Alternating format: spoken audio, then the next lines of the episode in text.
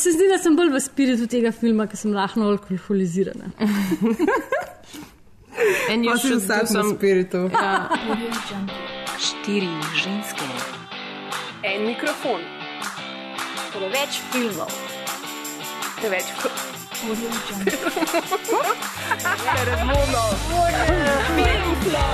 o filmu govorimo, dokler ne teče kri.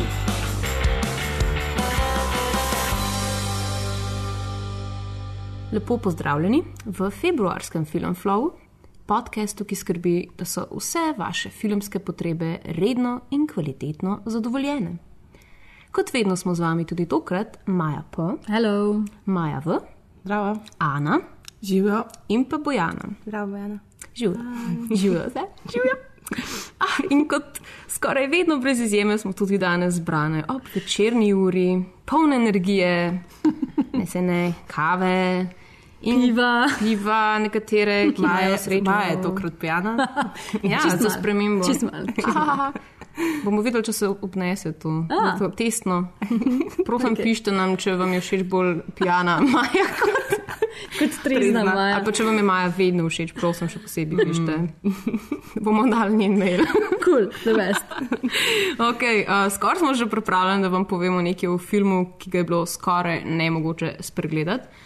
Še posebej, če ste kliknili na katerega od teh člankov o Oskarjih, ker zihar niste, ker vas ne zanimajo, ker nas tudi ne zanimajo, ampak bojo pa vse en kmalo upon us. Ali se motim? Ali, ali komu še ful do tega, kaj se bo zgodilo? Uh, jaz sem letos dejansko mi vse en za podelitev samo, sem si pa iz Filipca pogledala vse filme, ki so bili nominirani za film. To see what all the fuss is about.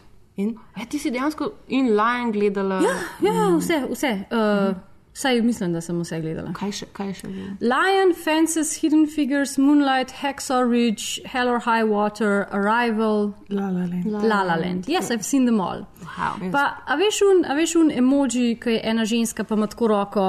Ne. No, to si mislim v teh letošnjih filmih. Tako. Joj, mogla no, biti slika. Ja.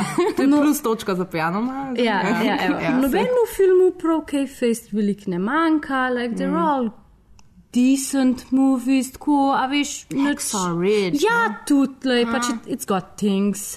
Ampak ne morem pa prav reči, da je zdaj pa to nek tak oskarjevski izbor, da človek dol pade. No. Mm. Tako da ta leto, letošnji oskari so hashtag meh. Hashtag not, not so white, but meh. Ja. Hmm. Not the right message the Well. Academy is giving. Hmm. Okay, ampak boste pa gledali. Mislim, mislim, da so 26, 26 na 27. Bomo pa bomo gledali, ko bomo preživljeni, jaz ne bom užival. Ja, pa tudi letos je če Jimmy Fallon.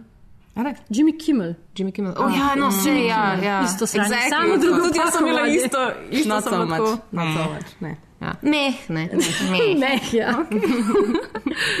A, no, še preden se zares spustimo v debato, naj vas uh, še posebej prijazno spomnimo, da Film Flow živi mnoga paralelna življenja na spletu in Maja P. Um, dobro ve, kje nas vsi dobri ljudje interneta lahko najdejo. Res je, I have this information. Uh, lahko nas najdete na www.apparatus.si, na www.filmflow.si, pa na vseh uh, mogočih in nemogočih družbenih oziroma družbenih omrežjih, mm -hmm. kot so Filmflow, tam, družbenih kot smo. Filmflow, kot je Filmflow, oh my god, I'm so drunk, Filmflow je družbeno omrežje. Ne, kot je Facebook, tam smo Filmflow TM, uh, Filmflow TM smo tudi na Twitterju in na Instagramu Filmflow podcast. Res je. Also shout at us in real life. Also, we will post pictures of drunk Maja. Oh, fuck, jaz sem tako impresionirana, da si grem eno pivo iskati. Ok, super, ker zdaj imamo itak uh, trailer. Oh, yeah.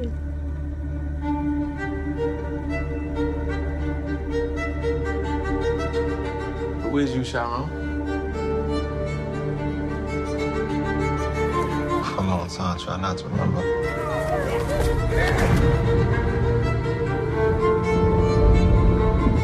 Try to forget all those times. At some point, you gotta decide for yourself who you gonna be. Can't let nobody make that decision for you. You gonna tell him why the other boys kick his ass all the time? What's wrong? I'm good. No. I done seen good. And you ain't it. Remember the last time I saw you?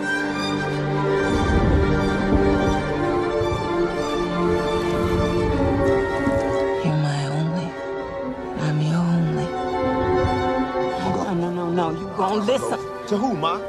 Huh? To you? Who is you, man? I ain't seen you in like a decade. It's not what I expected. What did you expect?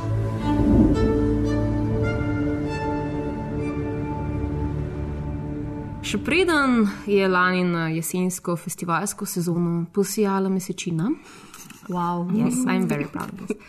Uh, so se na družbenih medijih pojavile razburljive novice o tem, kako naj bi bil um, eden najboljših filmov leta. Um, in se je skozi prikazoval v bistvu ta plakat, um, ki smo ga potem še tokrat imeli priložnost videti, um, ampak ni razkrival veliko. Ne.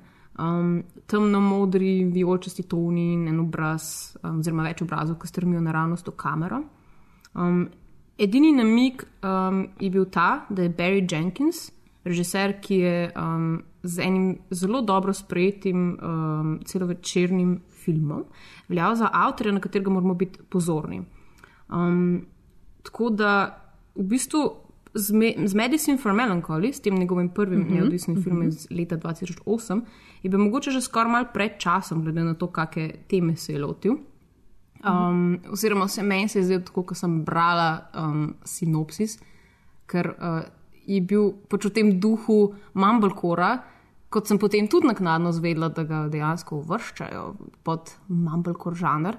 Um, namreč gre se za to neko preiskovanje identitete, uh, zdaj temnopoltih ljudi, ki živijo v San Franciscu, ki je pa pač.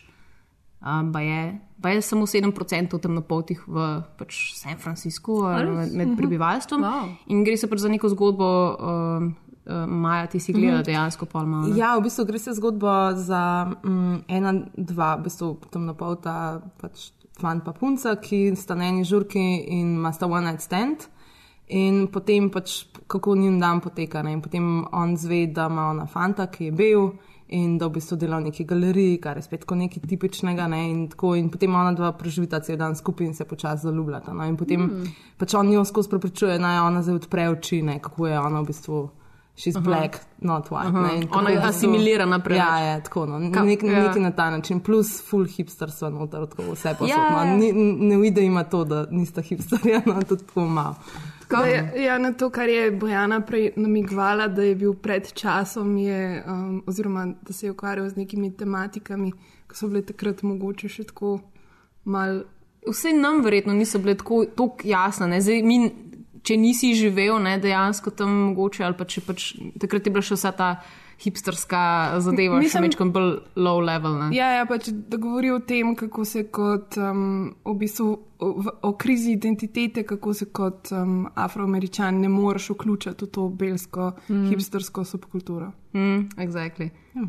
Tako da pač eh, zdaj, recimo, če bi verjetno zdaj prišel, čeprav tudi um, takrat, leta 2008, so ga, um, iz, so ga pač opazili in je bil tudi um, nagrajen, mislim, da, oziroma vsi nominirani je bil tako na. Um, za Independent Spirit Awards in so ga tudi na recimo, te lestvice najboljših Ja. filmov uvrščali. Pač Če, če kritiki. upadeš na Wikipedijo od um, Barry Jenkinsa, pa se preskrolaš do filmografije, je not tabelca, uh -huh. ki ima dvakrat dva. Vrsti, dve kar dve vrstice, ker je pač eh, očitno Wikipedija sklepa, da je samo dva filma na redu, in oba dva približno tako izgledata, da je pač naslov filma, na sredini pa je pa tako full enih nagrad, pa nominacij. To se pravi, tudi nisem si sicer natančno pogledala, kaj je Medicine for Melon, ki je bil nominiran in dobil, ampak pač Ampak eh, je pa pol, če pogledaš za um, v bistvu direktorja fotografije Jamesa Lexona uh -huh. na njegovem pač, um, pač temu, kaj, kjer filme je delal, pa se vidi, da je skozi njim deluje, pa več filmov, uh -huh. vidiš, da je več filmov naredil, kot Ja. ja. samo ta dva filma. Ja. Ja. Tako da on ima še veliko kratkih filmov, tako vmes. No. Ni, ni v bistvu, nista bila samo ta dva. no. Ja, s tem, s tem v bistvu direktorjem fotografije se poznate že s, um, v bistvu s filmske šole. Uh -huh. In njegova žena je pa producentka, Tako, ne, ena od ja. producentk. Ja, v bistvu, tako da je ja. pač ta family affair. V bistvu, Ja, ja, ne. ja. Tudi sicer je bil ta Medicine for Melancholy je stal mislim, da 15 tisoč dolarjev uh -huh. in si je sposodil cash od enega frenda, ki je delal v Hollywoodu, uh -huh. nek CGI ali kaj, in je pač dubu full casha in mu je tako dal teh 15 jurjev, kao ne bom zdaj uh -huh. ravno strado, ne, če ti jih pač posodam. Um, in mislim, da se mu je pač nekako tudi izplačalo. no. Um, Čeprav pa v bistvu po tem filmu kar zelo dolg časa ne, ni prišel do Ja, enega novega filma. Osem let. Kar se mi zdi, da je kar tako, mislim, za Mhm. mm. mogoče režiserje, pač njegove provenience, če lahko temu tako rečemo, ker tako ena taka dosti značilna stvar, da zelo dolg ne pridejo do drugega filma ali pa sploh ne pridejo. Ja, zdaj, če bi bil to Spike Lee, bi verjetno čist na drug način opisal to. Ne. Jaz sem pa brala en intervju, v katerem je on v bistvu sebe krivil za to nekako, ker je rekel, da um, ni našel ta prave zgodbe, da, da tudi ni nekako vedel, kaj točno bi v bistvu hotel delati in je hotel, recimo, nek, ne vem, je potem za televizijo delal, um, za HBO je eno se, serijo pisal. Nekaj časa. The Leftovers je pisal. Exactly, ja. Čeprav je rekel, da je tam v bistvu bolj Ja. ja. bil tako, ni bil glih aktivno. Ja, ni, prav, ni, prav, ni bilo prav dela za njega. Meni najbolj Moj je bil ta tako kvota. Ja, uh, meni je bil najbolj fascinanten podatek iz teh osmih let, ki je on ni delal, da je vmes tudi mal bil uh, carpenter, kar Ja, je tako like, preproga v prostem času tudi Ne, tesar. tesar. Tesar, Tesar, ja, ja, ja. Fakt, vidiš, jaz danes nisem najdla ta pravga, jaz mislim, da je to lesar. Tesar. Tesar, Ja, ja. moj bog. Ja, drugače pa. Ja, pa, pa mi je tudi v bistvu pač pol je odprl PR podjetje. Ja, ja. Pa so za Facebook za deset let naredili filmček. Ja, Ki je full cute. ja. Tako da imel je neki dela, ne? pa, pač, mislim, da je tudi rekel, da tako pač poskušajo preživeti. Potem, ko ta ta prvi val hajpa pač je šel mimo ne? in, se ga, in, in ker nič ni bilo, in mislim, da je začel tudi dosto v sebe. Ja, pa imel je, imel je v, pipeli, v pipelineu malo nekih scenarijev, pa razvil neke zgodbe, pa to, ampak nič se mu nekako ni tako prijel, noben ni, ni bil nekako zainteresiran, tako da uh Mhm. -huh. pa mogoče tudi z njegove strani ni dost mm. pušal ali pa ni imel nekega producenta za sabo, da bi hipster. pušal. Ja. Je pa bil tudi, uh, mislim, vedno kar dosto upleten v filmski svet, ker meni je bilo pa to najbolj zanimivo, ker je govoril, da je zelo dolg časa delal na tem uh, Telluride Mhm. um, filmskem festivalu, kjer je pač res delal vse, od tega, da je pekel kokice, do tega, da je pač kuriral uh, programe kratkih filmov, da je imel QA z uh, pač gosti in tako. In tudi uh, zaradi tega, ker je kot tri leta nazaj, um, ko je bil pač film 12 Years, 12 years a Slave. Um, je pač, ki je delal QA na tem festivalu za ta film, je spoznal v bistvu ljudi, ki so eventualno pos, postali producenti in uh -huh. distributerji njegovega filma. Ja, ne. On, je, on je v bistvu zdaj, mislim, to meni tako res čudovita zgodba. ne. Ker mislim, da nekaj časa prej je pa že ta um, producentka začela uh -huh. moriti, ne, da zdaj pač.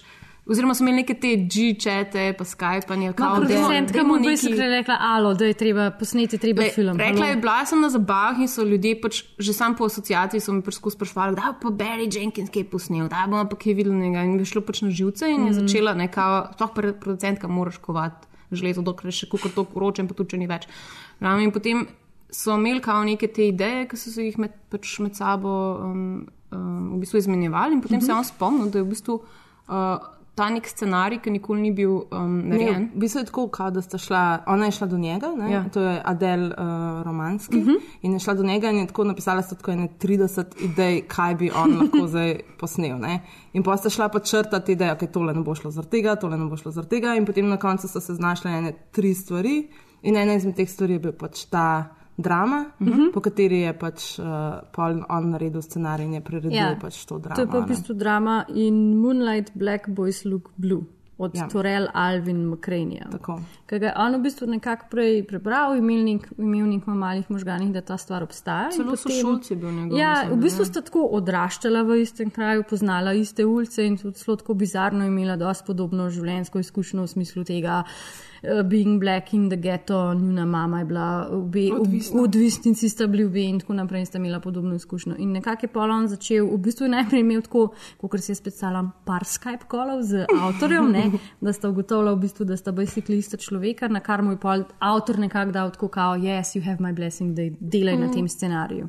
Ja, mislim, da je ravno zaradi tega, kar si zdaj govorila, da um, je bilo toliko usporednic med njunim življenjem, da se je on res videl pač v tej zgodbi in je lahko zelo osebno zgodbo iz tega naredil. Kar je tudi v več intervjujih pač povedal, da je bil to ta ključ, ki mu je pol dejansko. Da ga je pripeljal do tega, da je lahko naredil ta dober scenarij, po katerem je naredil ta mm. film, ki mu prej pač tukaj in tok zgodb je že napisal, pa mu ni uspel, ampak prav ta oseben moment, da je on pač to res začutil, da pač se je lahko poistovetil s temi liki in tako, da mu je to ful pomagal. Mu je pa je v bistvu ta um, avtor te drame dal. Um, V bistvu so se pogovarjali, on je hotel, da bi tudi on, tako je napisal dramo, napisal tudi scenarij, ampak mislim, da je on vmes pa dobil eno štipendijo, da je lahko nekaj drugega začel pisati in je rekel, ok, le ti pustim to, ti kar naredi, kar mm, želiš. Ja, iz tega." in pol najboljša zgodba ever, ne, kam greš pisati uh, scenarij, pač nekam, kjer ti bo res dolg čas in boš, ja, in nimaš drugega pol početi. Ja, ja, re- eh, kaj rekla, no, te bomo poslali nekam, kjer ti bo res dolg čas, da boš res lahko pisal, nekam v Evropo in pol so kao šli na internet gledati, kje je tako najbolj dolgočasni kraj v Evropi in to je bil valjda Brusel. Kar se če strinjam. In, je rekel pa, da ima ful dobro vročo čokolado. Perfect for, for writing. Rekel je, da je It's naredil, ja, da, da je naredil Waffles tisti uh, kafeteriji pač 40% tega scenarija. No. Na vroči čokoladi. Well, he's one of Brussels. us. Za nekaj. Explain the color palette. Ja, se Best love. Je pa pol ne v desetih tednih je naredil prvi osnutek scenarija.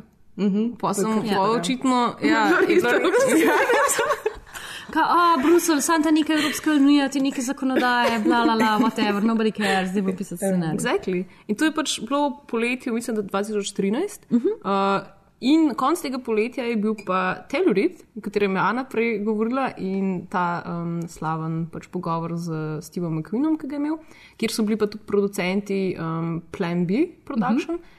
Um, ki so majčkam bolj znani po tem, da jih je ustanovil uh, Brad Pitt, ne, uh -huh. kar je super. Brad Pitt. Um, ja, uh -huh. ja. In, uh, in, uh, in se je v bistvu z njimi pogovarjal in pač omenil, da ima, glih takrat je v bistvu končal ta scenarij. Uh -huh. In se je nekako lepo poklopil, da so bili oni zainteresirani. Pa tudi poznali so ne, njegov prvi film, ki mislim, Ja, da je ja. pač glih Bredo Pitu, kao bil ful všeč. Res? Ja, pa tudi eh, to igro so poznali. Um, Tako so vedeli, da nekaj ima, ne, zadeva. Uh -huh. in, in, in potem so oni, kar je še boljš, po mojem, um, kot samo to, da je plan B produkcija, ampak da so potem še A24 um, v bistvu k sodelovanju uh, povabili. Uh, A24 je pa ena distribucijska firma, bla, ki, so, uh, ki se je v bistvu v istem času nekako začela um, vzpostavljati in pač bila zelo odmevna zaradi tega, ker so oni res te neke nove, sveže naslove distribuirali, um, uh, Ex Machina, recimo mm. Spring Breakers. In oni so v bistvu potem tako verjeli v ta projekt, da bo verjetno tudi nekaj zaslužil, da so. Um, To v bistvu, da je to v bistvu prvi film, ki so ga oni tudi producirali, no, kot, mm -hmm. kot producenti. Ne. Pa svetovno, produk- mislim, svetovno distribucijo so prevzeli za njega, ne, da so ga distribuirali. Ja, kar pomeni, da so veliko denarja v to Ja, vložili. ne. In... Pa sej, I guess, da sodeč po Wikipediji se jim je poplačal, ker je film naredil dobiček. Sicer, je- ker je imel tudi Pa v resnici je budžet, začel šele, ne? Ja, basically. zdaj je imel ta limited um, Zdaj v tem ne. trenutku, ko pač Ja, po Po Oskarjih. Ja. Pa, kako jaz razumem, je narejen samo za 5 minut. Tako, ja, pa že zdaj ima. 22. Ja, ja. da, Pa- In to okay. brez tega, da bo zaenkrat, kot kaže, predvajano v Sloveniji ali pač, a imamo že kaj drugih informacij. Brez tega, brez tega, desetih milijonov. Oh, Desetih no. ljudi, ki bojo videli ta film. Ja, tudi glede na to tematiko je tako ful zanimivo, ne, da je toliko veliko ljudi šlo v ta film Ja, gledati. ja. Pa je, da so dvorane bile čist nabasane. Ja.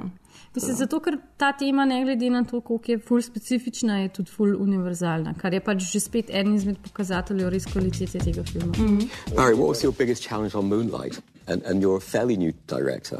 Yeah, Does fair- that make it harder or Definitely easier? new. uh, it makes it easier, you know, because you sort of don't know what the pitfalls are, and you kind of just charge ahead like a like a wild dog, you know, after a piece of meat. I sort of fell into it because there's this character who's basically his mom, and my mom and Terrell's mom both went through this horrible addiction to crack cocaine. Um, and Naomi Harris, you know, plays our mom in this film. Essentially, we had this issue with her visa, so instead of shooting her over the course of like five weeks, we shot all her work in three days.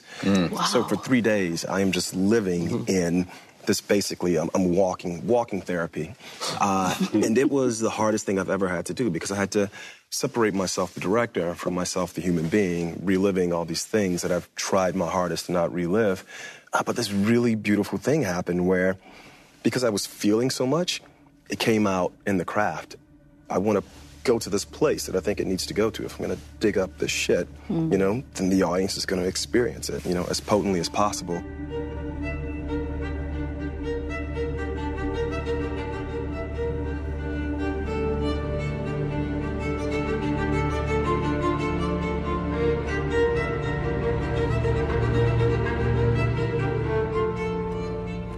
putting your head down in my house. You know my rule. It's all love and all pride in this house. You feel me?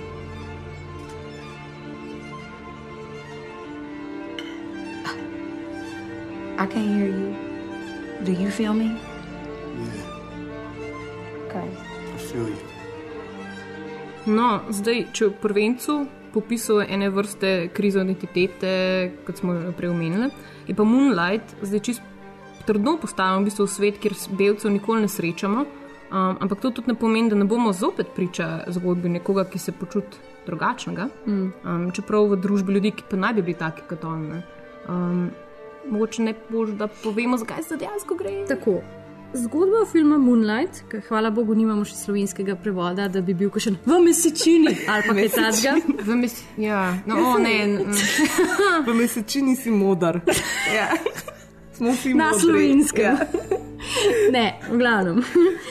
Opisati plot filma Moonlight je hkrati izredno lahko, ampak tudi izredno težko, ker v enem stavku povedano je to film o odraščanju našega glavnega lika Šajrona.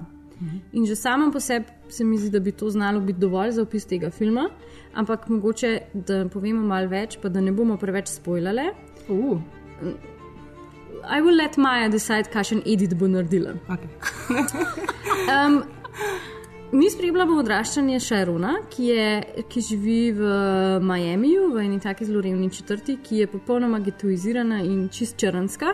In kot tako velika večina prikazanih črncev v filmih, on živi v neki drug neighborhood, kjer se drog, droge delajo in tako naprej. In ga spoznamo, ko je star ne deset let, ko v bistvu ugota začne ugotavljati, da njegova mama začne jesti droge s ta veliko žlico in išče uteho v nekom. In po naključju najde uteho v enem um, odraslem človeku z imenom Juan, za katerega mi vemo, da on v bistvu preprodaja druge svoje materi. In že tukaj se začne um, njegovim. Njegove. Tudi svojim, verjetno. Ja, ja, svoje materi. sorry. In že tukaj se v bistvu začne zelo kazati, kakšen lik je naš uh, Šajron, ker je zelo tak tih in sramežljiv in vase zaprt in se zelo čuva samega sebe. Čuva samega sebe pa je iz enega zelo dobrega razloga, ker pač je po vsej verjetnosti gej. Pred desetih letih morda tega še ne ve. Um, v naslednjem delu filma, ker je film razdeljen v tri enote, Šajrona srečamo, ko je najstnik in proba preživeti ta srednješolski life, kjer še bolj čuva mm. samega sebe, pa kdo on je, pa kakšen on je. Ampak seveda, ker vsi bulji imajo nevreten radar za te ljudi, ki skrivajo stvari, ga seveda pač imajo skozi na piki. S tem udarcem še, da njegova mama zdaj zapade popolnoma v droge in je čist krek, edik, pa še Juan, ki mu je bil udina očetovska figura, ga ni več na sceni in umre. Stvari se mu zgodijo in pristane v juvenile prison, to se pravi v mladinskem zaporu, zapor, Mhm, whatever. mhm. In na to ga nas srečamo, v tretjem delu ga srečamo po že spet ne vem desetih letih, oziroma ko je že odrasel.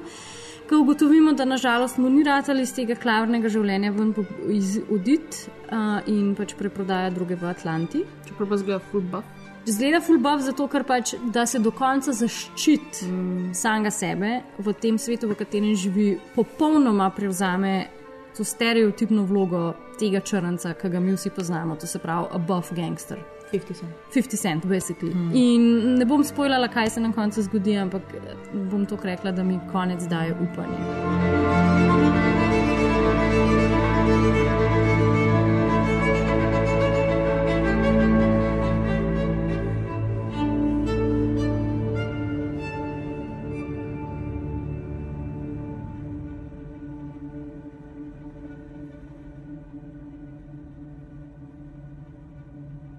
Všeč en opis, ki ga je en kritik, ki je Scott napisal za The New York Times, ki je nekako napisal, da ta film lahko pač zelo enostavno razložiš. Uh -huh.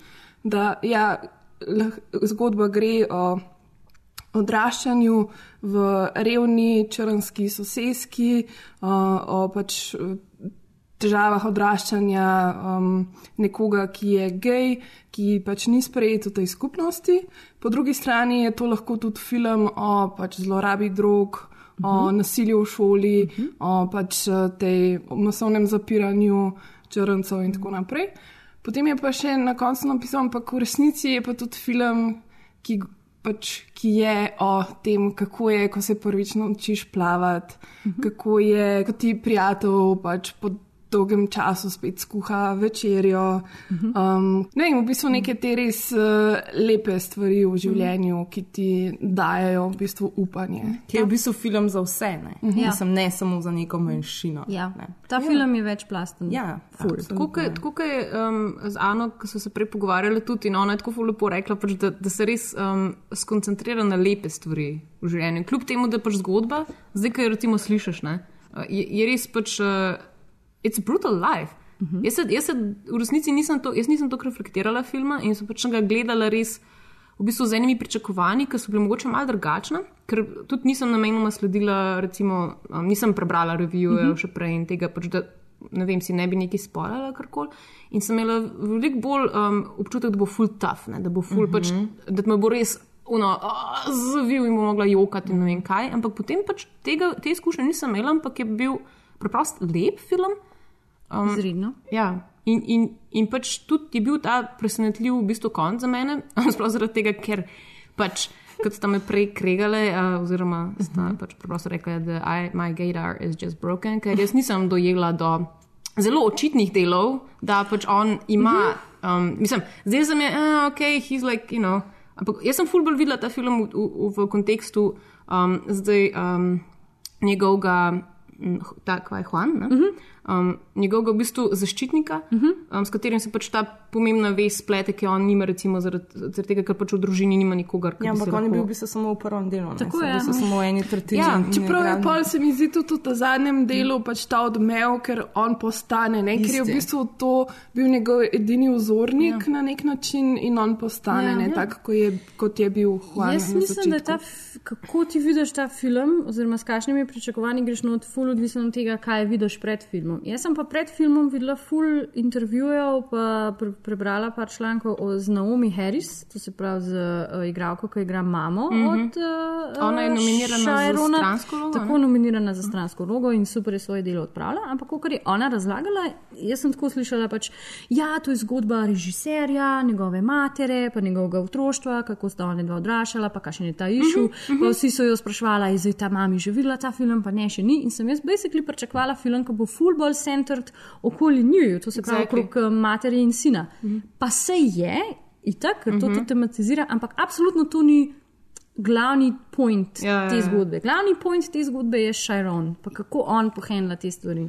In ja, ja, čisto isto izkušnjo, ja, v bistvu. ja. No? Pač, mislim, to je bil za mene ta fokus, uh, ki sem, sem ga pač opazila. ne. Ja. In, in mi je zaradi tega v bistvu bil po- pozitivno presenečen Ja, film. ne. absolutno. Um, sploh zaradi tega, ker je bil, pač, kot sem rekel, malo bolj light-hearted potem. Um, pa pač res je bil, mislim, lep ni bil zgolj zaradi tega, ker je pač lepo posnet in je res pač fotografija krasna, Mhm. ampak pač um, it's heartwarming, pač daje ti upanje. Ja, se res je uh, McCartney, pač uh -huh. tako je napisal dramo, je res napisal po smrti svoje matere, ki je umrla z jajcem, zato ker je pač tudi ona je mala druge in je sigurno, ker ima sta pač to isto tematiko, je sigurno mati pač ta osrednji lik, ki je ful pomemben, ne? ampak jaz že, ko sem videla trailer, zato mi je čudno, da mm. tudi, mogoče Ja, ker tudi, jaz nisem trailerja trailerja gledala, ja. Ampak uh, se mi je zdelo tako dosti očitno, da se bo šlo za neko gejovsko tematiko. Ne? Se pa strinjam, da je full večplasten film in to se mi zdi, da je en izmed najboljših črnskih filmov, za moje pojme, Zdaj, ker, se, ker se ne tako očitno ukvarja s črnsko uh -huh. tematiko, ne? kot smo že prej rekli, ni, ni nobenega belca notara. Ne? In tudi ta gejovska tematika, ki ni neki full zdaj izrazita, ne? se mi zdi, da za tega je Moonlight. No? Ker se mi zdi, da vsi, vsi smo v nekih pozicijah, kjer se moramo identi- identificirati z neko identiteto. In tudi oni, ker to je samo identiteta, ne, ni nič drugega več. Ne. In se mi Mm. zdi tak lep film za vse te stereotipe. Mm -hmm. pač, um, Ful. tako, Ja, no, ker, ker ti je postavi v bistvu ta okvir, v katerem so vsi isti, ne, Ja. je pač njegova drugačnost je druge sorte. Uh -huh. pač, kljub, kljub recimo, mislim, tukaj vseeno mogoče. Je, je ta del, vsi te, vse, te, vse te slabe stvari, ne, so v resnici nekako bolj v zadju, pač, ki prihajajo iz tega, da so oni pač manjšina, ki so v tej državi absolutno Mislim- Mislim, marginalizirani, oziroma pač nimajo vseh teh pravic, mm -hmm. ki bi jih morali imeti. Uh -huh. Ampak res fokus ni potem na tem. -huh. This one time, I run by this old This old lady, I was running, hollering, cutting a fool, boy. This old lady, she stopped me. She said, running around, catching about that light. In moonlight, black boys look blue.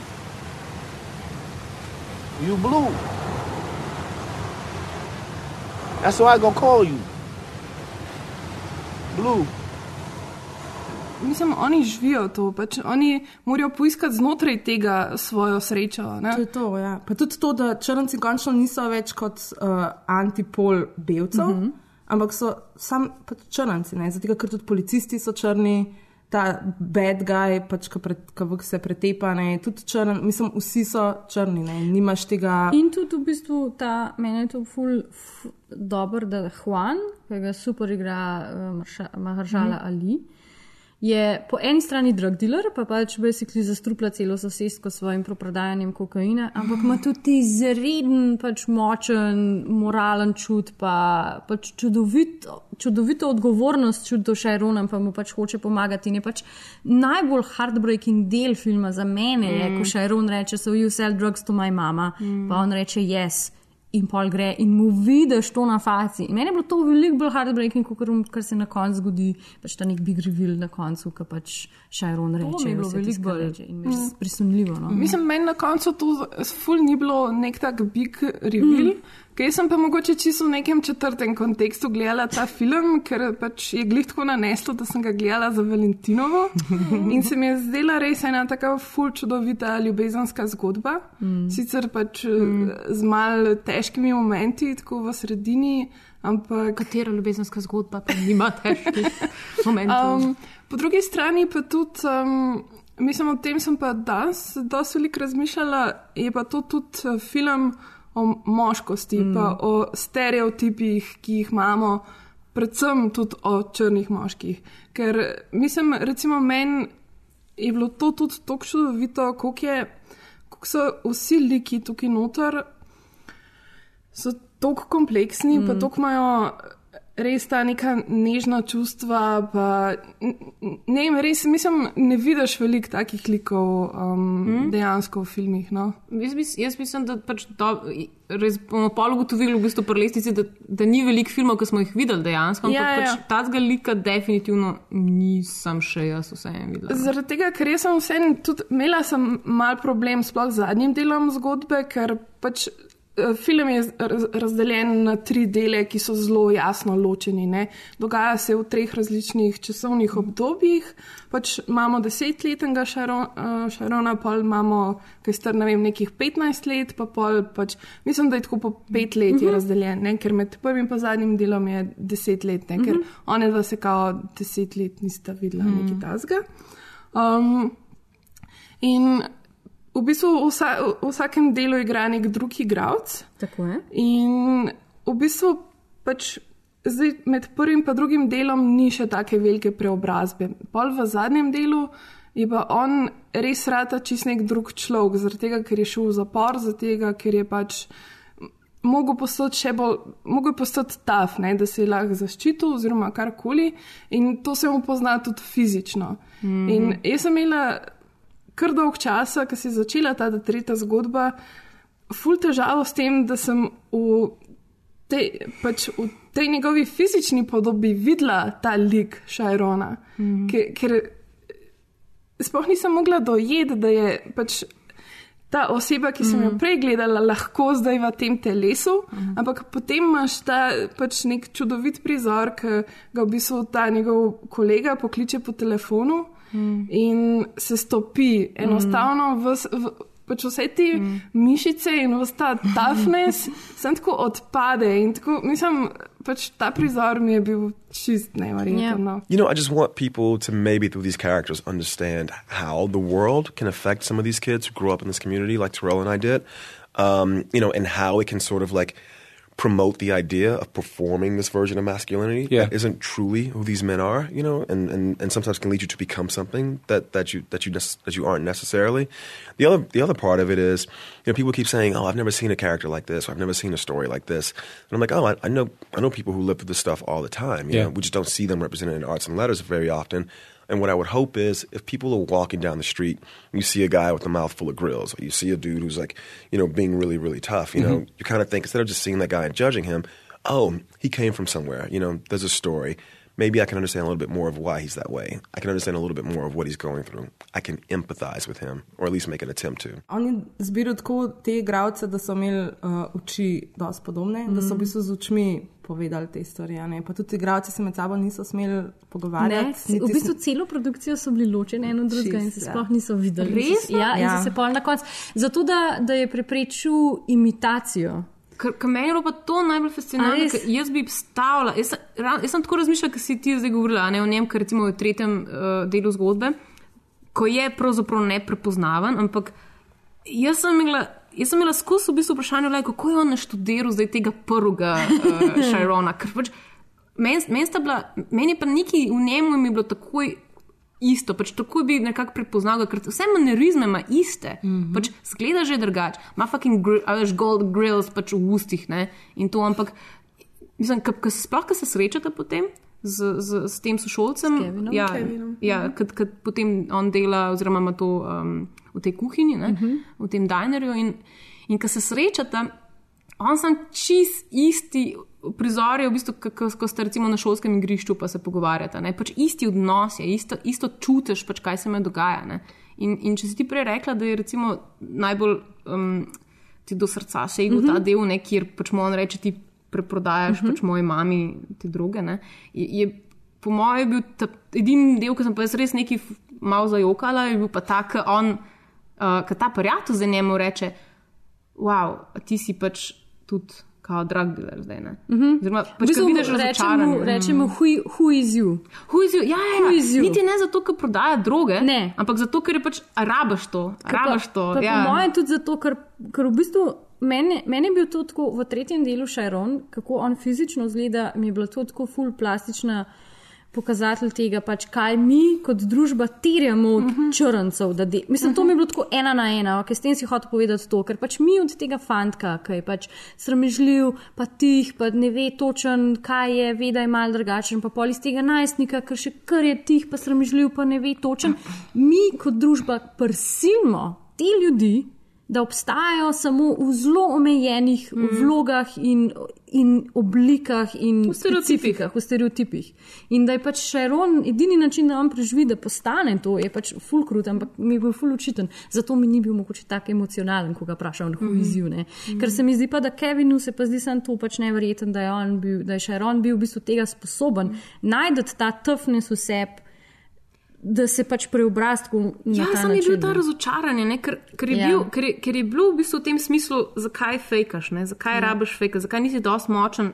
On ga je videl drugače, on ga je imel rad ne? in on ga je videl v taki podobi, kot ga je, je, kot ja, ja, kot, kot je. kot je. ne.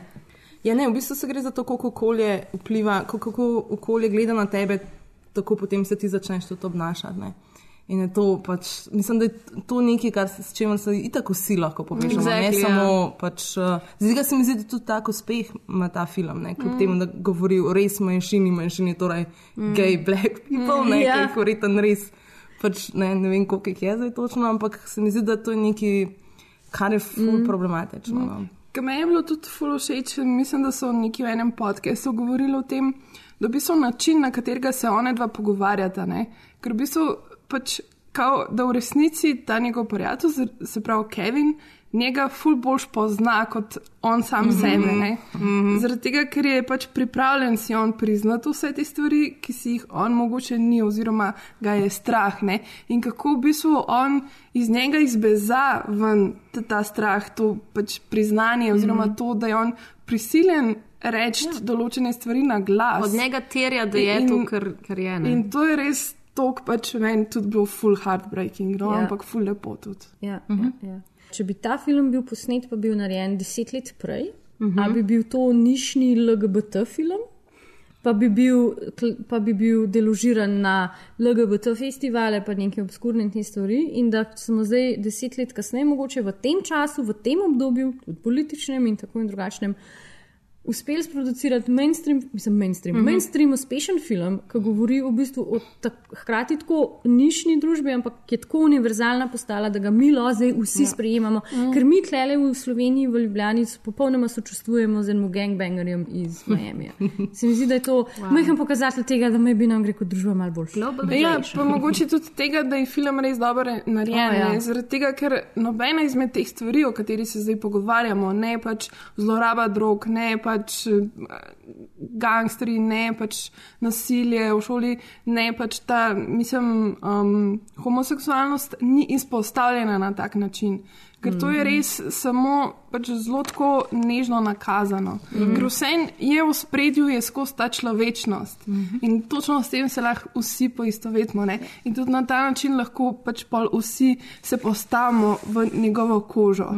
You said earlier in the interview something really interesting. You said that um, you, you approached this film as a straight black man, but yet you wanted to be an ally for the LGBTQ2 plus community. A- a- an active ally. Because an I, active I, I think of, uh, you know, when the marriage equality bill was passed by the Supreme Court in the U.S., you know, everybody put those rainbow filters on their Facebook, you know?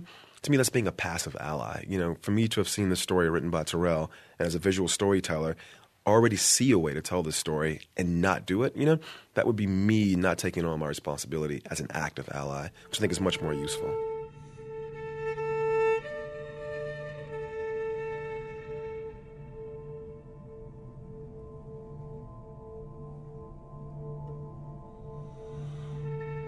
Mislim, da sem v enem intervjuju slišala, da on je večinoma, ki je bil v šoli, gledal samo evropske filme in izključno evropske. Prav zavestno se je odločil, da ne bo uh, uh, zdaj pač gledal z njimi te neke hollywoodske, ampak je prav šel domov in gledal striktno evropske, zato da je pa tudi najdel pač ta svoj avtorski um, v- vzgib. a ne. In, naprimer, prva asociacija na to se mi je zelo logična, ker je uporabljal tudi tako muziko, pa tudi uh, glasbo je nekako zmontiral skupaj na ta način, kot bi videl po kakšnem italijanskem, kakšnem tem evropskem filmu. Tako, Neorealistika um, ja, ta uh, v bistvu me je ful spomnil. Um, La Grande Belica, uh Mhm. -huh. recimo, me je ful spominjal v nekih določenih trenutkih. Um, zdaj pa sem pogledala, kdo je napisal to hudo glasbo. In je napisal Nikolas Britel, kar je pa najbolj zanimivo, pa ne on je delal ful z, uh, z Nicole, um, Natalie Portman, pa Mhm. mm. delal je tudi na filmu 12, 12 Years a Slave, mm -hmm. je Mhm. delal pač neke določene um, te uh, gospel uh, glasbo. Ampak je pa ful zanimivo z, z Damienom Šazelom. On uh, bil kot producent Oh, wow. kratkega filma Whiplash in potem tudi kot producent filma, celovečernega filma Whiplash. Whiplash. In uh, očitno sta bila ona dva sošolca. Um, na- Chazelom. Ja, um, in se že On je zrih tudi te Oskarje, pa? Lej, jaz mislim, on ima tako, on mislim, da je hodil tako na ene tri najbolj hude šole v Ameriki, tako da he is very influential. Um, v glavnem je pa, pol sem poslušala en podcast, kjer točno razlaga, kako je razvil glasbo. In je v bistvu za vsak ta, vsak ta del v filmu je razvil pač um, nek to temo, uh -huh. ki je bila pač tipična za glavnega protagonista, je razvil pol na različne načine. Um, in sicer pač glavna tema je sestavljena iz violine in klavirja, ne, ker v bistvu je napisana v D-molu. O, moj ki-. Ampak to je pomembno, zato ker je pač taka full stabilna glasba. Ne. Violina je pa tako čist narahlo, zaigrana čist zraven mikrofona, tako da v bistvu se čuti ta rahločutnost pač glavnega lika, ne, ker v bistvu vidimo um, svet skozi njegova perspektiva. Mm Mhm. -hmm. Ful je bolj pač intimo ti poudari.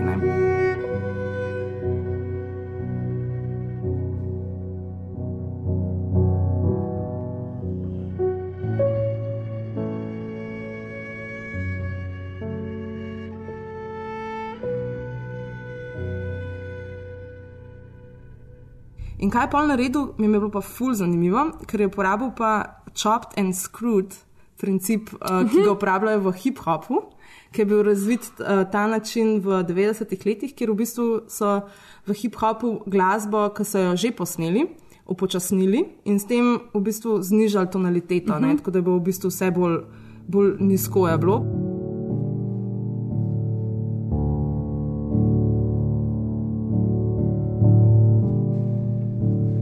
Ta glasba je v bistvu hip-hop, ki je upočasnjena. Pa uh, potem je full več basov, valjda zdaj, ker ti, ko počasni z glasbo, imaš brr, brr, ne, Mhm. tak zvok. Uh, pa v bistvu je tako, da glasba preskakuje bit. Ne. Mhm. To pomeni, da zgleda, da je CD malo pokvarjen, ali pa daš noter še to vinil um, od Da plošče. ni v tem tipi, tipičnem um, ritmu, no, ampak Ja, da ni, je v ritmu, je Ja. še vedno. Ja, ni v Ja, ampak- tipičnem ritmu. Ja, Ja, ja, ja. ja, ja. Pač, pač, tako Mislim, imaš, ta da čop pokvarjen. ta- Ja, ja, ja, čop, ja. čop, čop. Uh, ampak to so podelali s, s to glasbo, ki so jo že posneli, pa so pa v bistvu naredili novo ploščo s tisto glasbo, ampak na drugačen način. No, in je on za to up- uporabil pri klasični glasbi in je v bistvu. Ta prvi del, ki govori o Tamamu, ki je star deset let, je pač ta navadna violina, klavir. Potem v drugem delu, potem zniža, torej, torej naknadno uh, zniža tonaliteto v Bedur. In je v bistvu ista glasba, ki jo slišimo v prvem delu, samo da je zdaj ful Oh, wow. nižja, pa, z- uh, pa slišiš se ful bolj um, skompresirana. To pomeni, da inštrumenti um, se slišijo, da so veliko bolj povezani med Mhm. sabo, kot v prvem delu. No.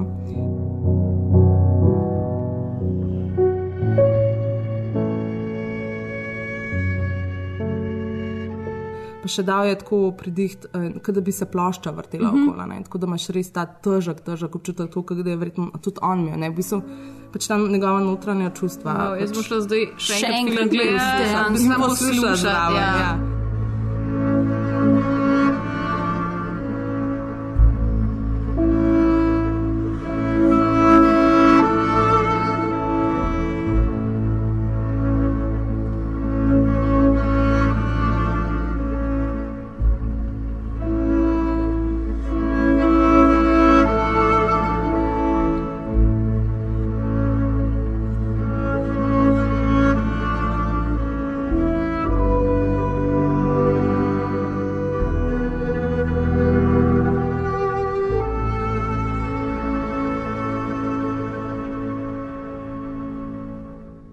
Ja, jaz sem v bistvu cel film bolj kot na zgodbo, sem se dejansko ful bolj osredotočila na uh, kakšna je slika, pa kakšna je glasba, ker se mi je tudi um, fotografija se mi je zdela ful zanimiva, že takoj na začetku, ker imaš ful presvetljeno fotografijo, ne, tako, mislim, tam Miami se štekam pač hotel so, nar- da se ve, da so zdaj v Miami, kjer je ful vroče, ne. Ampak, če gledaš, je ful presvetljeno, kakšnih stvari se sploh v bistvu ne vidi, ko imajo bele hlače, gor se čez zlije z Mhm. zadjem. Pa tudi saturacija je tako res močna, tudi te barve so ful bizarne, ta zelena, pa rumena. Pač ja, so neke tri različne barve. Tudi mislim, da začetek filma se začne, prvo se začne. Se mi zdi bolj zarjavo, potem vmes, preden je naslov, se nam pokaže neka lučka, ki je v bistvu uh, uh, modre barve, mm potem imamo pa na koncu še rdečo barvo. Sicer ne, ne vem, kaj to zdaj. Jaz sem, jaz tega. sem zasledila te, Ja. to, pa I have no idea what it means. Da so posneti v treh različnih, kao iz treh različnih filmstokov, iz Ja. ja. Fujija, Ja. Agfa pa Kodaka. Ja. Na prvi del Fuji, drugi del Agfa, tretji del Kodak, da so pač ne posnete na te dejanske filmstoke, ampak v post- postprodukciji, da so to tako naredili. Ja, v so produkciji lahko, ja, marsikaj zdaj narediš, Ja. pač, uh, tako da imaš Fuji. Ampak je, tudi glede barv je pa prav, čeprav uh -huh. Barry Jenkins hotel narediti take barve, zato ker pač ne glede na to, da je imel precej fakta potroštvo, so bile pač. Ni bilo to neko uno urbano, distopijsko, vse, mm. uh, un, kva so že uh, uh, uni, uh, smetnjaki, ki gorijo, ampak v bistvu Miami, lepo je, Mm. mm. greš lahko na plažo, ampak pač zraven ti tudi. Ja, če, čeprav se mi zdi, da tudi to, kar zelo velike te svetlobe, pa malo je tudi tako zamegljeno, tako na čase pa vse. Zaradi tega, ker on govori, da je pač hotel ta film narediti, kot da je neko tako mal sansko sa stanje, da so to neki spomini, kjer se pač ne spomniš vsega tako zelo pač jasno, ampak da so v bistvu neke take mal bolj, mal bolj zamegljeni spomini, pa neki občutki, ne, ki jih imaš še od takrat. Poleg tega je pa on full velik fan um, Wong Kar-vaja, um, pač ta Happy Together, pa Chunking Express, mislim, da sta pač med njegovimi najljubšimi filmi in zelo se vidi tukaj recimo uporaba barv in svetlobe, sploh teh nekih neonskih luči, predvsem ta, ta tretji del je po moje, se meni zdel tako najbolj podoben v tem uh, dinerju noter, mm -hmm. ko so te neke neonske luči, pa kako snema skozi šipe, pa te neki vcevi, pa mm -hmm. tako, tako da mm -hmm. je to ful, ful mm -hmm. podobno. E- Edin prej sem hotel še reči, da ravno zaradi za ta Miami pa to, pa to, kar si rekla, da je vse presvetljen, pa ful belo, mm -hmm. ker um, to pa mislim, da je ta direktor fotografije govoril, da um, ko si pač v Miami, ko fuli spareva, ne, ker je tako vroče ta voda in je ta skozi neka meglica ne, in se mm Mhm. -hmm. vse tako zgleda bolj. Pa tudi pač uporabljajo prosojno in pač svetlo. v to vinegreto, pač okol. Mislim, Mhm. tako robovi so vedno bili blurry. Čist Mhm, vedno, mhm. ker če si gledal, recimo, ne vem, ko je snimal pač obraz in si gledal njegovo ogrlico, od spodaj si videl, da je ogrlica Mhm. čist pač blurry, ne. Vse ostalo je bilo pa v fokusu, pač res je tako, ful tak zanimiv um, Instagram feeling, se mi je cel cajt, ne. Je pa tako, mislim, da prej si ti tudi omenila, Ana, to, ki um, ki je v bistvu tudi neka aluzija na naslov. Ne? Um, Mhm. uh -huh. Tudi, recimo, kot si rekla, barva pač kože je tukaj um, verjetno neprimerljiva mogoče z drugimi filmi, oziroma je nek, nek tak poseben um, ton. Ja, tak glowy, glowy Mhm. pač um, Mhm. uh -huh. barve. Ne? In tudi recimo te, recimo, ne vem, tako kar zgleda na plakatu, basically, ne? ker je res niti ni črna, niti ni ta rjava, ampak mm. je Mhm. pač ta nek, ne vem. Res je, res je tako, fulje polna barva. ne. Ja. In je, in je prav taka, ž- neka taka žlahtnost. Ja, to mislim, da je tudi Barry Jenkins rekel, da mu je šlo za to, da se v bistvu koža pa barva črncev pokaže tako, kot je ponovadi nikoli ne vidiš Mhm. v eni posebni luči, ker pač uh, mi mogoče nikoli ne premišljujemo o tem, da pač naša bela koža se drugače obnaša kot neka črnska koža pod istimi žarometi in da bi bilo mm, mogoče, mhm. da bi filmi drugače izgledali oziroma da bi pač temnopolti igravci drugače izgledali na filmu, če bi jih mogoče njihovi koži primerno osvetlili. Isto velja za all of the other colors. Ja, Verjetno, da obstajajo neki pač industrijski standardi. karkoli. To bi, moglo, to bi bilo dejansko zanimivo vprašanje. Za, Ja, Kodak je prvi razvil. ne. Kodak je prvi razvil uh, dejansko ta film, uh Mhm. -huh. kjer so zajemali, da so se lahko črnci fotkali. Zato, ker prej tega ni bilo, ker je bila paleta, varna paleta narejena samo za bele. Ja, in, in so bili zeleni. Ja. actual ja, fuck? ja. Ja, well. ja, to je šele takrat, uh, pa, pa tudi reklame, ki so delali za Kodak, se potem proč črnce da noter so... v reklamo, da, da je bilo jasno, da je to tudi za njih zdaj končno. actual fuck. Well, we come a long way. I guess. Pač Veliko pove tudi to, da mislim, da je letos pač prvič za Oscarja nominiran afroameriški direktor fotografije, oh, wow. ki je pa snimal uh, Arrival film. Wow. Time and time again, the world's great pictures are trusted to one film Kodak. Why trust your memories to anything less?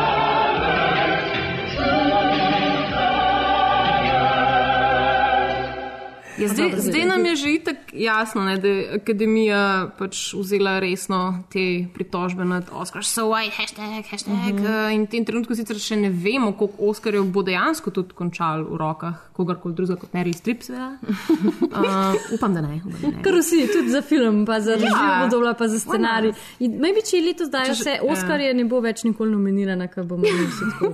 Pač, a rest. Ker bo pokopala ta teža vseh Oscarjev.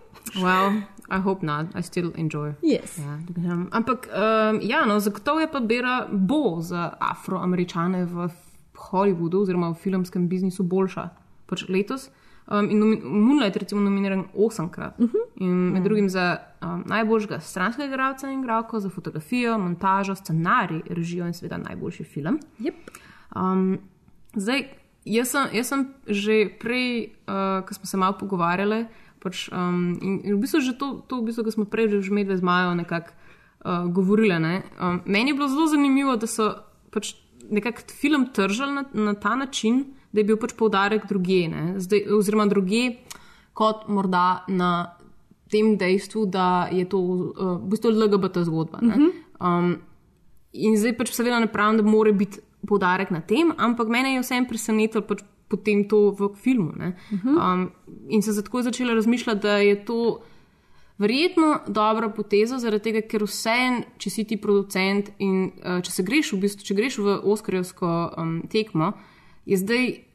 Pomembno da okay, imamo zdaj pač eno, en issue, uh -huh. ki ga izpostavimo. Ne, ne moreš pač full stvari izbirati, ne moreš pač reči, ah, ne za ženske, pa potem je še ne vem, abortion, pa da, da, da, da. Nekaj se moraš pač osredotočiti, ker ljudje si bodo tako zapomnili. In kot, ker vemo, da večina folka, ki zbira filme za, um, za pač Oscar, sploh ne gleda filmov, se mi zdi, da pač, če so tako površno uh, ve- zvedeli za ta film kot jaz.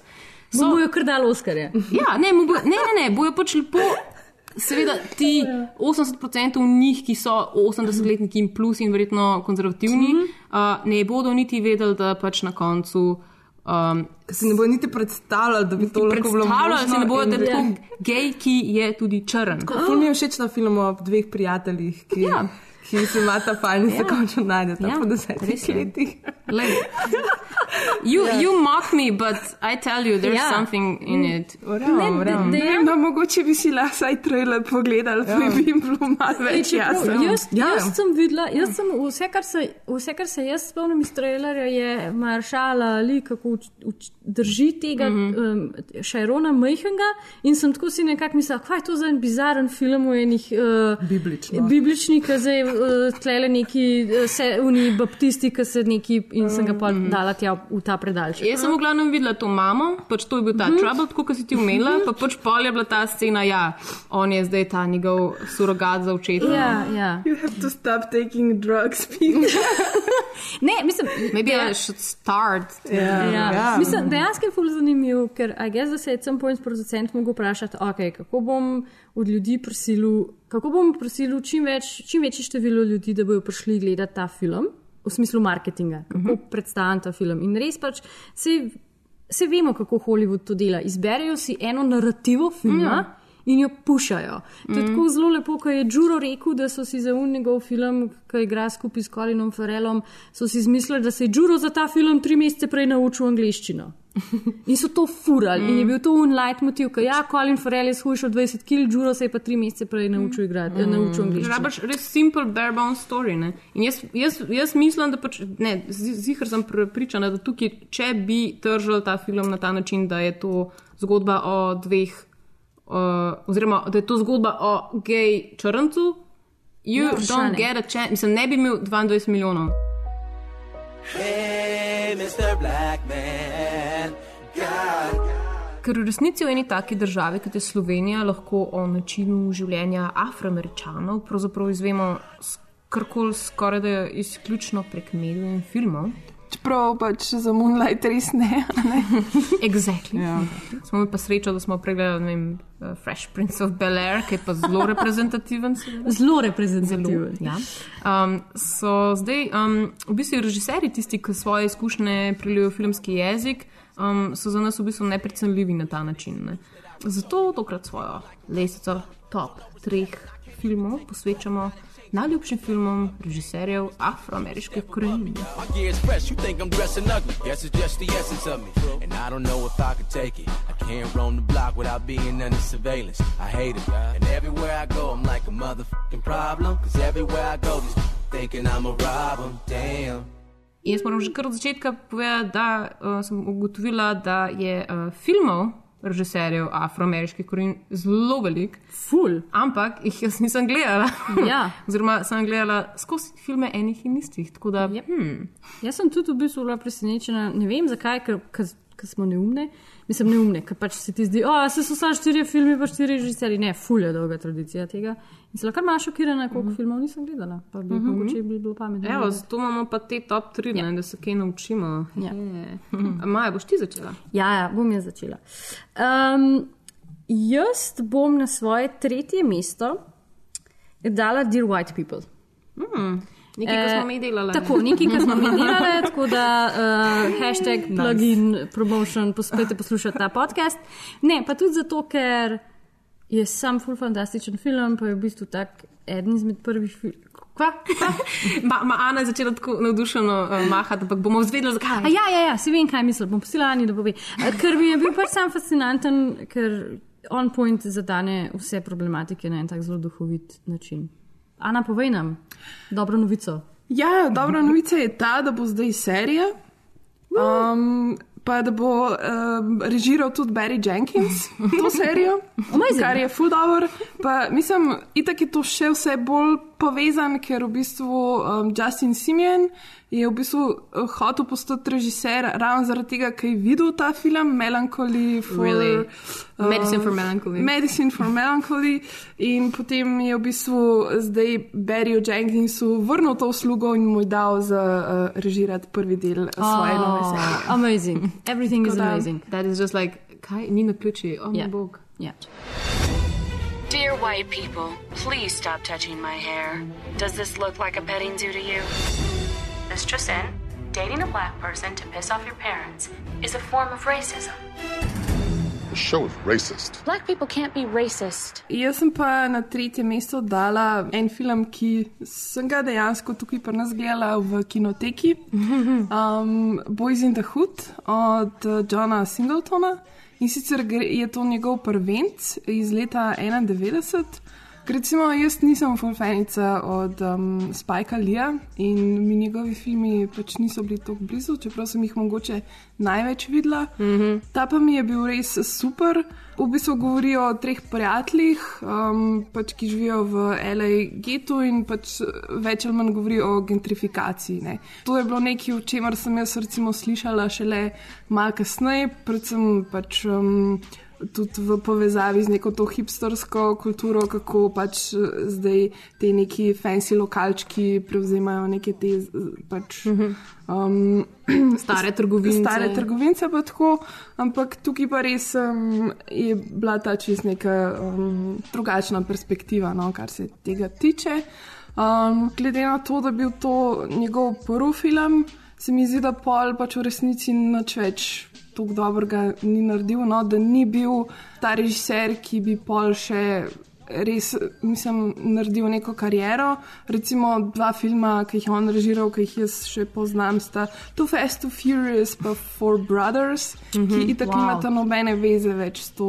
Um, Pač Too z- Furious. koreninami, kar pač ni nič narobe, ampak tudi kar se tiče kvalitete samih filmov, um, se mi zdi, no, da Boys in the Hood je bil res en tak. To, to je en teh filmov, ki ki jih imam še ful na spisku, da jih moram pogledati. Mm. Tako da, Me, me je bil res super, ker sem ga tukaj gledala. No, tako da.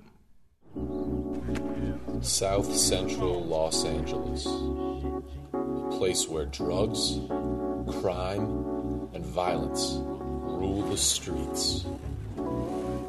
Why is it that there's a gun shop on almost every corner in this community? Why? Yeah.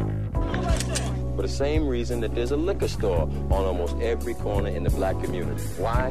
They want us to kill ourselves. Ja, jaz sem tudi ugotovila, da res ne poznam veliko uh, afroameriških. That you're, like, uh, totally režiserjev. racist. I'm Totally totally racist. racist. Ampak pol, ko sem gledala malo prek teh seznamov, sem našla en film, ki mi je bil, ko sem ga gledala in mi je bil ful všeč in sicer Friday.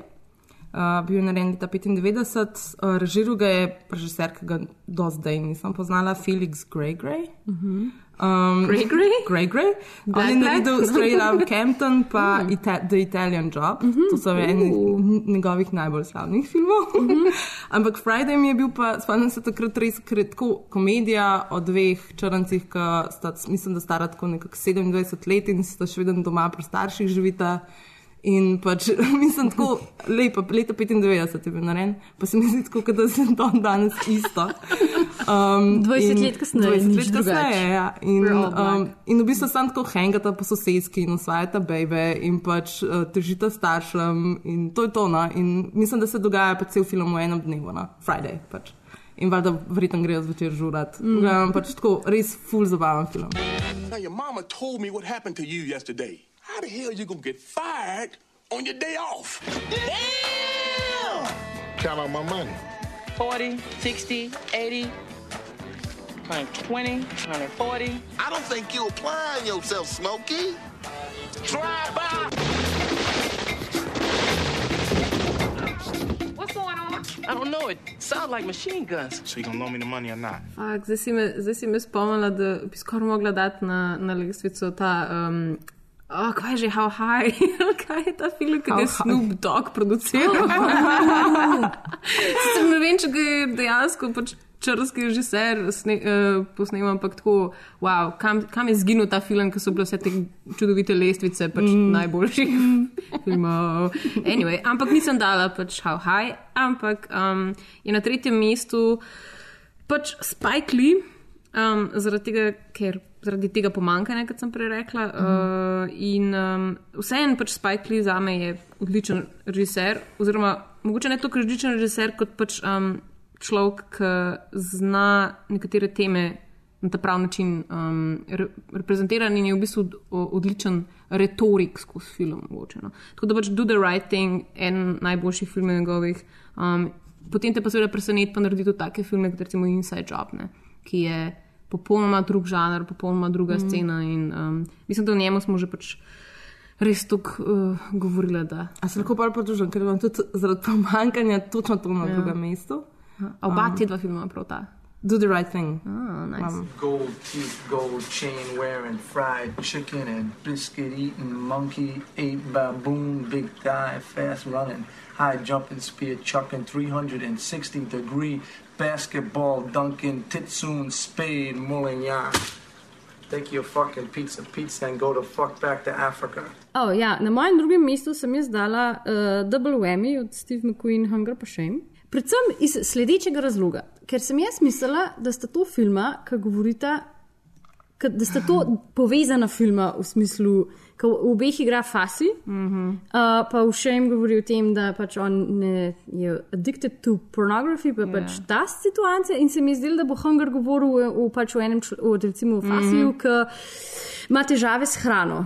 Jaz sem, kar je le Točno del. mislila to. Ne, kar je le delno res, ker pač vendarle govori o Fasiju, ki ima težave s hrano, ampak je uh, v zaporu in protestira gledovno stavka in tako naprej. In se mi zdi, da te dva filma so tako res amazing. Pa uh, mogoče sta ali nista, na, mislim, je to zanimivo, da Steve McQueen ju ju je naredil Steve McQueen, ki pač mogoče, ko ga gledaš, ko je zelo tak belski film, nimaš občutka, da je ga naredil Steve McQueen. Pa mogoče, če ne poguglaš Steve McQueen, pa ne vidiš fotke mm -hmm. Steve McQueena, pa še posebej zato, ker mu je ime Steve McQueen. ki najprej vidiš skot. Pač zgo, ja, Ja, ne? Nekoga drugega, Ja. ja. pa pol ne veš, pa ti je to malo presenetljivo, ampak definitivno Steve McQueen je kar, je kar v redu režiser, no, kar zna, kar zna Ja, delati zna filme. delati filme. Razen Je. ta 12 Years a Slave, to mu nikoli Ja, ni to je kar nekaj. To je Brad Pitt glavni. Ja, ja, ja, je glavno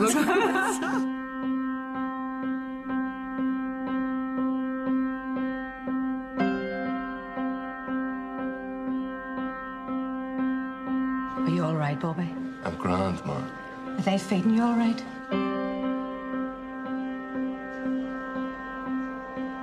I'm starting a hunger strike on the 1st of March.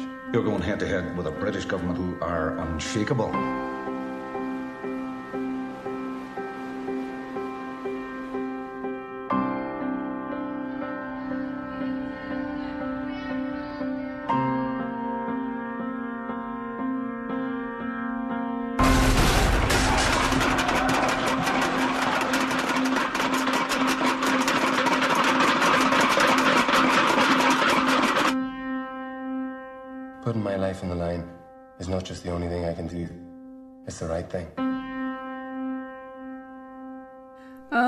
Jaz imam na drugem mestu film Daughters of the Dust. In sicer gre za eno dosti pozabljeno klasiko indie filma. Naredila ga je Julie Dash leta 1989. Um, gre v bistvu za prvi film afroameriške režiserke, ki je bil dejansko distribuiran po kinih. Um, govori pa v bistvu o en, um, treh generacijah žensk, ki um, v bistvu odvija se leta 1902 na enem otoku sveta Helena, tam blizu um, na obali um, Severne Karoline. In v bistvu na tem otoku je obstajala ena zelo tako močna, pa dokaj izolirana črnska skupnost, tako da so se ful ohranili uh, še um, njihovi običaji in tako, in so razvili tudi čist neko svojo kulturo, ki se ji reče gulah. In v bistvu film pač govori o tem, in je tudi zelo tako zanimivo, je um, narejen, tudi kar se tiče vizualnega, um, vizualnih materialov, tako kostumi, v bistvu ti neki stari običaji, vse te stvari. Zato, ker v bistvu tudi njen oče uh, od, od režiserke je pripadal tej. Um, mm -hmm pač subkulturi, uh, tako da ima pač imela neke izkušnje iz prve roke glede tega. Uh, je pa ta film sem ga letos v bistvu uh, gledala, zaradi tega, ker, je, um, ker so ga na novo restaurirali in ponovno izdali. Plus pač Rato je dokaj znan zaradi tega, ker je Beyoncé v tem svojem um, vizualnem albumu Lemonade se je zelo v bistvu referirala na ta film, vsaj kar se tiče pač nekih vizualnih. Um, Do you want to play? Your hard drive is Ja, filthy. ja. It is Jaz sem dirty. tudi sam zaradi to- tega za- zato slišala. Ne? Tako da super film, res ful priporočam. Tako res uh, I'm trying to ena help taka you. posebna How are you helping me, huh? izkušnja. You Pa come in tako here večinoma, mislim, and you're a weight on me. če You're a črnske burden. ženske. You want to get out of here? I can take They you are somewhere. magical, kot sami pravijo. We're family. We're meant to Black, look after each black other. girl magic.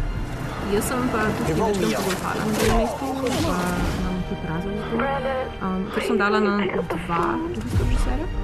In sicer uh, Melvin Van Peebles, uh, ki je v bistvu oče Black Exploitation, um, ki je bil en tak uh, žanr v 70-ih, um, ki je pač uh, poskrbel za to, da imamo zdaj na YouTubu oziroma na Facebooku za gledati full enih uh, japanskih filmov m, Melvin Peebles je bil v bistvu odgovoren za to, da so full banal njegov film um, po kinih, ker uh, je naredil en film z naslovom Sweet Sweetback's Badass Song leta 71, čudovit naslov, v katerem Melvin tudi igra. Uh, in igra pač uh, v bistvu enega tega fanta, pravzaprav tako zelo podobna zgodba kot Moonlight, ne se ne. Um, Več hudomunske. Gre se v bistvu tudi za spolno dozorevanje tega fanta. Um, in um, če, ho, če bi ga hotel v bistvu zelo resno analizirati, gre za to um, mečkam problematično zadevo uh, uh, otroške spolnosti, mm. kjer je ta zelo mlad um, fant izpostavljen uh, telesnim užitkom strani ene zelo uh, take seksualno um, manične ženske uh, ali mnogo njih, in tako da postane pač nek pimpno. Wow. Um, tako da je pa to pač uh, ta žanr Black Exploitation je v bistvu. Naj, najlepša stvar v, bistvu v tem je, da so bili pač režiserji, ne, um, uh Mhm. -huh. črnci. črnci, ki so um, nekak, nek tak odgovor je bil na, na, pač, um, na, na sliko, na kakršno so jo v bistvu ne, Na blackface v bistvu. Ja, ja, basically. Ne. Mm. Kot bi njihov odgovor pač to, da so oni fucking badass ne, uh -huh. in da so pač uh, seksualne živali. V bistvu, da, da vse te stereotipe v bistvu obrnejo ja. na ironičen način ja. proti Zdaj sem se, for whatever reason spomnila mm. na Putty Tank. A to poznate film? Oh, tako precej grozen. No, it's quite funny. Ja, ja, ja Putty Tank. Mislim, da so to gledali enkrat v videu. To je en, en nek, nek, neki, neki in potem s pasom neki on te tepe na okolje. Pač, it makes absolutely no fucking sense, ampak je sam amazing. No, ja, drug v bistvu je bil pa, ja, exactly, šef, ah. ker ne moreš brez šefa, če je Mm. Black Exploitation, ki ga je pa režiral uh, Gordon Parks. Um, ki je bil v bistvu zelo slaven fotograf prej, ki je um, upodob, upodabljal v bistvu življenja um, na robu v bistvu družbe. Uh -huh. In je istega leta kot Sweet Sweetback's Badass Song posnel, spravi na 70. Um, ampak on je v bistvu bolj pomemben zaradi enega filma, ki ga je pa prej posnel leta 69, The Learning Tree. Kajti to je bil prvi, um, on je bil prvi režiser, oziroma je bil to prvi um, črnski film, oziroma režiserja črnega, um, ki so ga v, studi, v studiu posneli, oziroma ga distribuirajo potem Warner Brothers. Mm. In to je bilo leta 69. Um, tako da on se je v bistvu s tem filmom nekako pisal potem tudi v, ta, pač, um, v zgodovino. Recimo, ne. Uh, je pa zanimivo, da je tudi njegov sin nadaljeval njegovo pot in je potem posnel uh, Superfly, še en Oh. Black Exploitation film. Nice. Shaft's his name. Shaft's his game.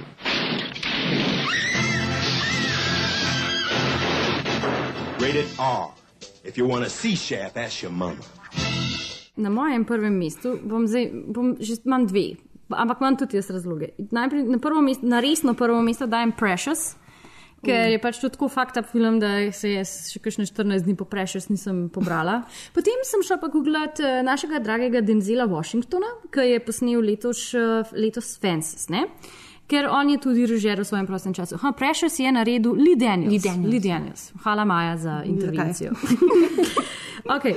Uh, sem šla googlat Denzela Washingtona, ki je letos posnel Fences in sem probala ugotoviti, kaj je tudi on še kaj posnel v svojem lifeu. In poleg Fences je posnel The Great Debaters iz 2007, pojma nimam, kaj je to, kar nekaj. Po, posnel je Antoine Fisher 2002, uh Mhm. -huh. pojma nimam, kaj je to, ni- ne poznam tega uh -huh. filma, ampak kar je pa najboljša referenca na svetu, ever za Denzela Washingtona, da je on posnel eno epizodo Grace Anatomija. In se mi zdi, da za, z tega namena ga umeščam na svoje prvo mesto kot črnskega režiserja. Hvala. Everybody's got Hvala their reasons. Hvala lepa. Morda niste vedeli, pa tle Mic mi drop. piše, tlele, zdaj ne vem, ima da bo je ful čuden, pa mi piše, da je kao letošnjo sezono posnel sam, dvo, ne vem. No, v glavnem, ne morda niste vedeli, Denzel Washington in Grace Anatomy. Hudo. Mhm. Ja, jaz sem pa na prvo mesto dala dva dokumentarca. Um, mislim, enega bi samo omenila, ker nisem še vseh delov dejansko pogledala do konca, ampak je že zdaj pač zaenkrat totalno fantastično. To je OJ Made in America od Ezre Edelmana, tako res, mislim, taka epska saga o OJ Simpsonu, ki je hkrati tudi en tak um, totalen. Um, totalno hud pregled um, rasizma in uh, rasne politike v Ameriki. In mislim, gre za pet, um, tako pet celovečernih filmov v resnici, tako da um, si moraš kar vzeti čas, da to pogledaš. Je pa um, res fantastična zadeva. Um, pa pa v bistvu malo več bi pa povedala o filmu uh, 13. To je pa dokumentarc od Ave Duvernay. Um, ona je tudi mogoče zdaj postaja ena bolj prominentnih um, afroameriških režiserk. Um, mogoče se jo bolj spomnite po filmu Selma, ki je bil dejansko tudi pri nas v kinih predvajan. To je film o, o Martinu Luther Kingu. Um, letos je pa naredila ta res eh, fantastičen dokumentarc, ki um, nekako povezuje uh, odpravo suženstva, se pravi, um, Hens naslov. Uh, 13. Mm. amadma um, ameriške ustave je leta 1865 odpravil uh, suženstvo um, in nekako v bistvu ona poveže, um, nekako dela paralelo, da je um, pač su- sužen. Uh, Sužne lastniški sistem v Ameriki, um, da je v bistvu današnji zaporniški sistem v Ameriki eh, direktna posledica no, tega um, su- sužne lastništva. Uh, gre pa v bistvu za en tak zelo, zelo dober in natančen pregled um, ameriške zgodovine oziroma pač uh, zgodovine um, afroameričanov v Ameriki, se pravi od odprave suženstva do um, današnjega gibanja Black Lives Matter. Um, mislim, gre za dosti klasičen dokumentarc v resnici, ampak je pa res odlično, odlično narejen, tako da ga je ful zanimivo gledati. Tako, mislim, to- to- Sliš, to sliši shit. tako, kot da bi lahko bil malo tako uno, preveč resen, pa suhoparna zadeva, ampak predstavljam si, da je verjetno precej drugače Mm. v resnici. Mislim, to je napokan s ful zanimivimi informacijami, da si skozi na, na robu sedeža. Hkrati pa mu uspe, mislim, vse te informacije predstaviti na tako pač dober, pa izčiščen način, da se ti ne zdi, da bi bil zdaj res ful preobremenjen z njimi. Um, tako res odlična uporaba in glasbe in um, v bistvu nekih teh arhivskih posnetkov. Tako da mislim, štima, tako vse štima no, v tem filmu. One out of four human beings with their hands on bars, shackled, in the world are locked up here in the land of the free. Khalif Browder was walking home from a party when he was stopped by police. Then they said, We're going to take you to the precinct, and most likely we're going to let you go home. And then I never went home. The 13th Amendment to the Constitution makes it unconstitutional for someone to be held as a slave. Jaz pa sem si vzela sedem ur in pol časa in sem si pogledala OJ Made in America, ker mi je Lihana min grede umela, da si bo ogledala pač uh, celo serijo. Pa na koncu sem jaz jo pogledala v enem večeru. Do, ne, mislim, da Well, glad you don't have anything to do in your life. no, mislim, Ana je hotela uh, napisati članek o tem, jaz pač nisem imela nobenega tazga razloga, ampak mi je bil enostavno ful všeč. Um, res mora biti dober dokumentarc, da drži 7 ur in Mhm. pol. Tudi če bi bilo, bilo v kino dvorani, jaz mislim, da noben ne bi imel problema, razen to, da moraš iti na VC. Tako res mi je bil uh, zanimivo strukturiran, ker na začetku samo predstavi pač njega kot uh, tega uspešnega športnika. Potem pa počasi ga začne secirati tudi njegova osebnost in v kakšnem okolju je odraščal, v kakšen čas je bil. Tako da je pa veliko stvari, ki jaz v OJ tudi nisem vedela, tudi ko je bila pač ta serija v OJ Mhm. narejena. ne. Isto, v bistvu v istem letu. Ne, V istem no, letu, ja, kar je ful zanimivo. Mislim, se je logično, ne tematsko, ampak. Uh, um, Tako obletnica, ali kaj. Ne. Ne, sam ful zanimivo je, ker si pač bilo kar naenkrat je bilo zanimanje za vse, tudi strani medijev. Mogoče iz- ne bom dajala roke v ogen, absolutno, da so kakšno obtožnico nazaj. Ne, tudi probali imel je, mislim, da je imel zaslišanje, da bi ga neki- uh, spustili. Zdaj, ker tudi v dokumentarnem filmu um, so imeli pač ta del, kako je on uh, v bistvu bil pred tisto komisijo. No. Začetek dokumentarnega je. filma se pač začne, kako on Mhm. pred komisijo razlaga, kaj je delal v zaporu, pa kdaj je bil prvič aretiran in potem se začne dokumentarni film. Ne. Ampak ga ne bojo spustili ven. Kar je bilo meni najbolj šokantno, je to, da so ga potem leta kasneje, potem, ko je bil oproščen, aretirali zaradi tega, ker je v bistvu ukradel svoje stvari, ki so bile v bistvu njegove. Pa grozil s pištolo, pač Mhm. temu, ki se mu je zdel pač Včasih se pa ful še spomnim, smešen. ja. In na koncu je pač sodnica mu dodelila, ne vem, tako ful preveč ječe. Um, uh, zato, kar je v bistvu naredil, ker je bil pač kao nek, neke vrste payback, kao vsi vemo, kaj se je naredil. Ja. Ampak tako res ful, uh, ful dober dokumentarc. I told him, OJ, you're breaking the laws of God. One day, everybody's gonna know everything that you've done, man.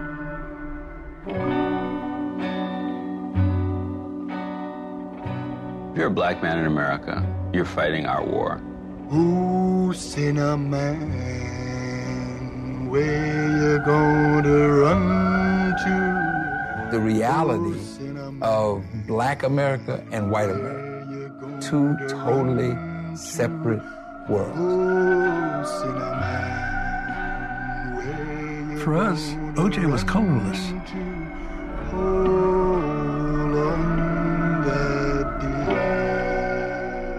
None of the people that we associated with looked at him as a black man. Ja, Boč razsvetli nas. Uh, ja, jaz pa v bistvu mislim, nisem niti mogoče sebe presenetila no, s to um, izbiro, ampak potem, ko sem ja tudi jaz šla čez te sezname in to, sem se spomnila, da sem gledala zdaj uh, Creed pred, mm. pred nedolgo Mm. časa, um, ki me je izjemno razveselil in presenetil, ker je bil res odličen film. Um, deloma zaradi tega, ker pač se v njem zaveš. Um, Kako je tudi Silvestr Stallone odličen igralec. Mm. In uh, čeprav pač ga povezujemo s tem, s čimer ga pač povezujemo, no, ampak um, v njem ima pač odlično vlogo, uh, je pač, ko se reče, reboot v bistvu um, Rocky sage, ne, Mhm. uh, zdaj s sinom Apollo Creeda. Um, in režiser filma je pa Ryan Coogler. Um, In se mi zdelo pač malo čudno, da bi bil zgolj pač kar zdaj tako, ja, ne, na takem velikem budžetnem filmu. In potem sem šla pogledat in seveda on je naredil um, Fruitwell Station leta 2013, um, ki je pa takrat uh, veljal za enega. Um, tako- Za ene take sorte film, kot recimo je Moonlight zdaj bil. No? Mhm. Mislim, z, uh, festivalske, um, festivalski baz je bil okrog njega in um, uh, mislim, da je pač zgodba o v bistvu eni noči pred novim letom, um, ki se na tej Fruitwell Station dogaja. No, in je, uh, pa je, da je vreden ogleda, da ga še nisem, ampak zdaj je na moji lestvici. Mm, cool. Jaz bi mogoče sam dodala prej, ko smo se pogovarjali o tem, da je mogoče tak zeitgeist, ampak tudi se mi zdi, da je pa mogoče pomembno tudi to, da zdaj recimo televizije oziroma ne vem, um, Netflix in podobne. Um, Kaj je to inštitucije? Mislim, Mediji. mediji. Next- Netflix in podobni mediji, da so začeli pač vlagati tudi v take filme. Uh -huh. Ker mislim, pač ta The 13th je Netflixova produkcija uh Mhm. -huh. in v bistvu dajo možnost in glas tistim, ki. Pač, Ja, če Hollywood tega ne dela, bo zdaj- In, in se ja. mi zdi, da je to kar pomembno, no? pač, da um, v okviru pač tega nastajajo te mm. produkcije, pa dokumentarci. Um, Ker vem, da tudi A- Ava se je na enem QA-ju zahvalila Stranger Things, ker so naredili toliko velik denarja, da je ona lahko posnela ta svoj dokumentar. Mislim, ne vem, Amazon, Amazon je podprl Manchester by the Sea. Ja, Tako, in je. se je Matt Mm. Damon na polno zahvaljeval Amazonu, Mm. da so ga podprli, da je Mm. Lahko liftov se off the Ja, ground. they are the good guys in capitalism. Ja, so. so far. Dejansko, za Tako enkrat. da Ja. Sem vesela, da imam. ne bomo zvedeli, da se vsi ti filmi delajo v sweatshopih v Indoneziji. Pa bomo vest. Well, thank you for this. Se pa bo pa posnel kot serijo. Ja, bom.